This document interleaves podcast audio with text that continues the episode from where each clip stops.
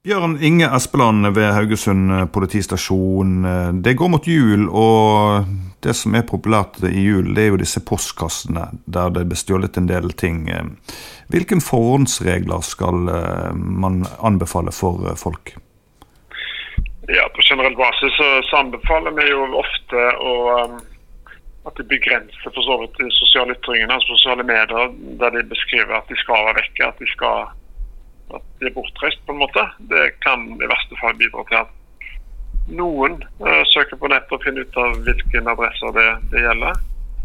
Um, så det kan være greit at det ikke går ut med, at en heller reklamerer for det i etterkant.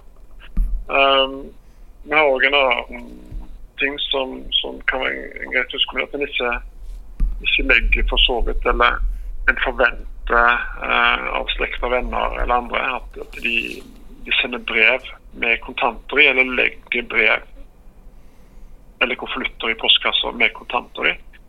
Det vil jo være en boost, det en, nesten min oppfordring til de som får napp og finner kontanter, i, i å fortsette med det.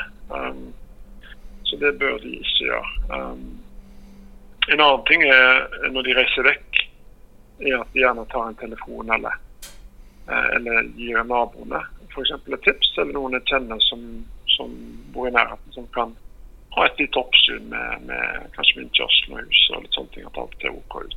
Så kan det være en, en grunn til kanskje faktisk å være i forkant. Ja, for det er kanskje viktig å ha et godt nabolag og passe på hverandre, hvis jeg forstår det rett? Ja, det vil være en kjempestor fordel. Vi har flere tilfeller der vi får melding om, om eh, hvis en nabo ringer politiet og sier at vi vet at uh, naboen vår er vekke på, på reis. Nå ser vi at det er noen, en person der som, har gått rundt huset to ganger. og, Han ser sånn og sånn ut, og vi, vi, tror ikke det er han som bor der. Uh, så kan det være en grunn til at faktisk politiet legger turen opp om å ta en kontroll.